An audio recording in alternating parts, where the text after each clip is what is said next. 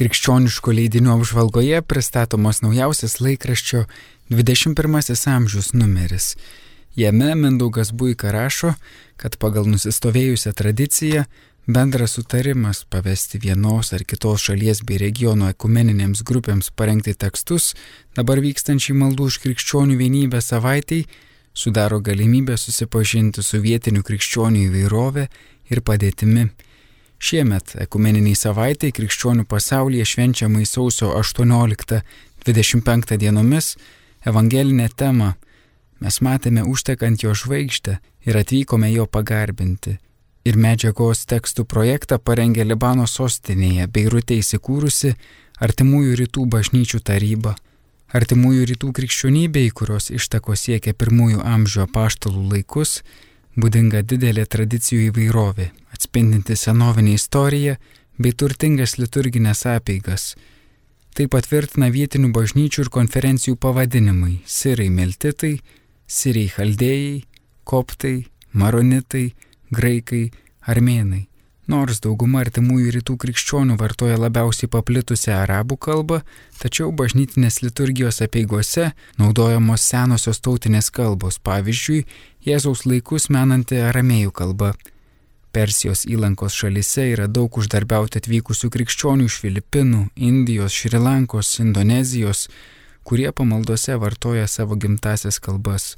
Beje, artimųjų rytų krikščionių, nors santykinai jų nėra daug, palyginus su kitais vietiniais gyventojais, geresnė materialinė padėtis, aukštesnis išsilavinimas, jie yra politiškai nuosaikus ir stengiasi aktyviai dalyvauti savo šalių socialinėme, ekonominėme bei kultūrinėme gyvenime. Tačiau jų padėtį labai apsunkina pastaruoju metu sustiprėjęs islamistų ekstremizmas pilietiniai konfliktai bei diskriminacija, kuri sąlygoja migraciją. Irake dėl karo katalikų chaldėjų skaičius per pastaruosius du dešimtmečius sumažėjo net penkis kartus nuo pusantro milijono iki 300 tūkstančių. 21-ame amžiuje apžvelgiami sausio 13-osios renginiai ir pateikiamos skirtingos nuomonės po prie Seimo vykusio Laisvės gynėjų dienos minėjimo Rašoma, kad sostinės nepriklausomybės aikštėje susirinkę piliečiai nušvilpė kalbėjusius valdančiuosius, plojo tik prezidentui. Kai kalbėjo Laisvės premijos laureatė sesuo Bernadeta Mališkaitė, irgi pasigirdo švilpimas. Kai kas aiškino, kad tai buvo provokatorių išpolis, bet Lietuvos šeimų sąjūdžio pirmininkas atvirame laiške Lietuvos viskupų konferencijos pirmininkui, katalikų ir kitų bažnyčių hierarchams bei Lietuvos katalikų bažnyčios kronikos leidėjams teigia, kad tai nebuvo noras pažeminti laureatę.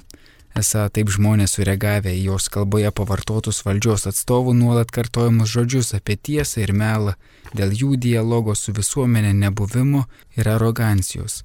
Spausdinami ir dvasininkų vertinimai po šio minėjimo Vieni teigia, kad visai suprantamas žmonių noras išsakyti savo nuomonę rūpimais klausimais, tik tam turi būti tinkamas laikas ir tinkama vieta. Kitigi sako, kad iš istorijos žinome, jog bažnyčios žmonėms reiktų būti su tauta, nes jei jos atstovai izoliuodavosi su elitu, niekada neišeidavo į gerą.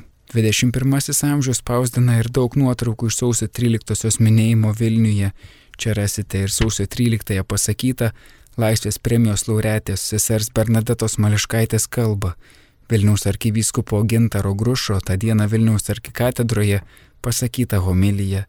Dar viena aktuali tema Seimo kibrokštas jau du kart sausio 11 ir sausio 18 balsavus už svetimųjų raidžių vartojimą lietuvių kalbos abecelėje, nors net konstitucinis teismas tam nepritarė, tačiau dauguma Seimo narių šį kartą nepaisė.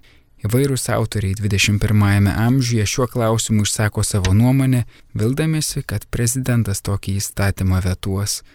Literatūrinėme puslapyje 21 amžius spausdina epistoliarinio žanro kūrinius, tai laiškai negimusiai dukraitiai, kuriuose parašė Povilas Ventakuprys, jau išleidęs poezijos ir prozos knygų. 21 amžiaus priede abipus Nemuno Birutė Neninė rašo apie Elvite minėtą laisvės gynėjų dieną. Klebonas kuningas Vytautas Kajokas šventų mišių homilijoje sakė, kad dar daug nerimo, susipriešinimo, liūdėsio mūsų kasdienybėje, nors atrodo, kad žmonės nieko nestokoja, bet jaučiasi nelaimingi, nesišypso, todėl kad trūksta maldos, santykio su Dievu, džiugesio priimti jo meilę. Šiuos metus Seimas paskelbė Sūduvos metais. Birutė Neninė prašo jų atidarimo renginį Vilkaviškyje. Yra dar tekstų iš Tauragės, Kazlų Rudos, Marcinkonių, Lyduvienų, Jotainių. Laikraštyje Katalikas Eugenija Sidaravičiūtė iš druskininkų dalyjasi mintimis apie maldos už kunigus grupę Ratnyčios parapijoje. Laikraštis spausdina prieš šimtą metų gimusio kunigo Alfonso Merkio mintis apie tikėjimą ir neseniai mirusio amžinai atilsi kunigo Sauliaus Paliūno nekrologą. Laikraščio 21 amžius apžvalga parengė laikraščio redakcija.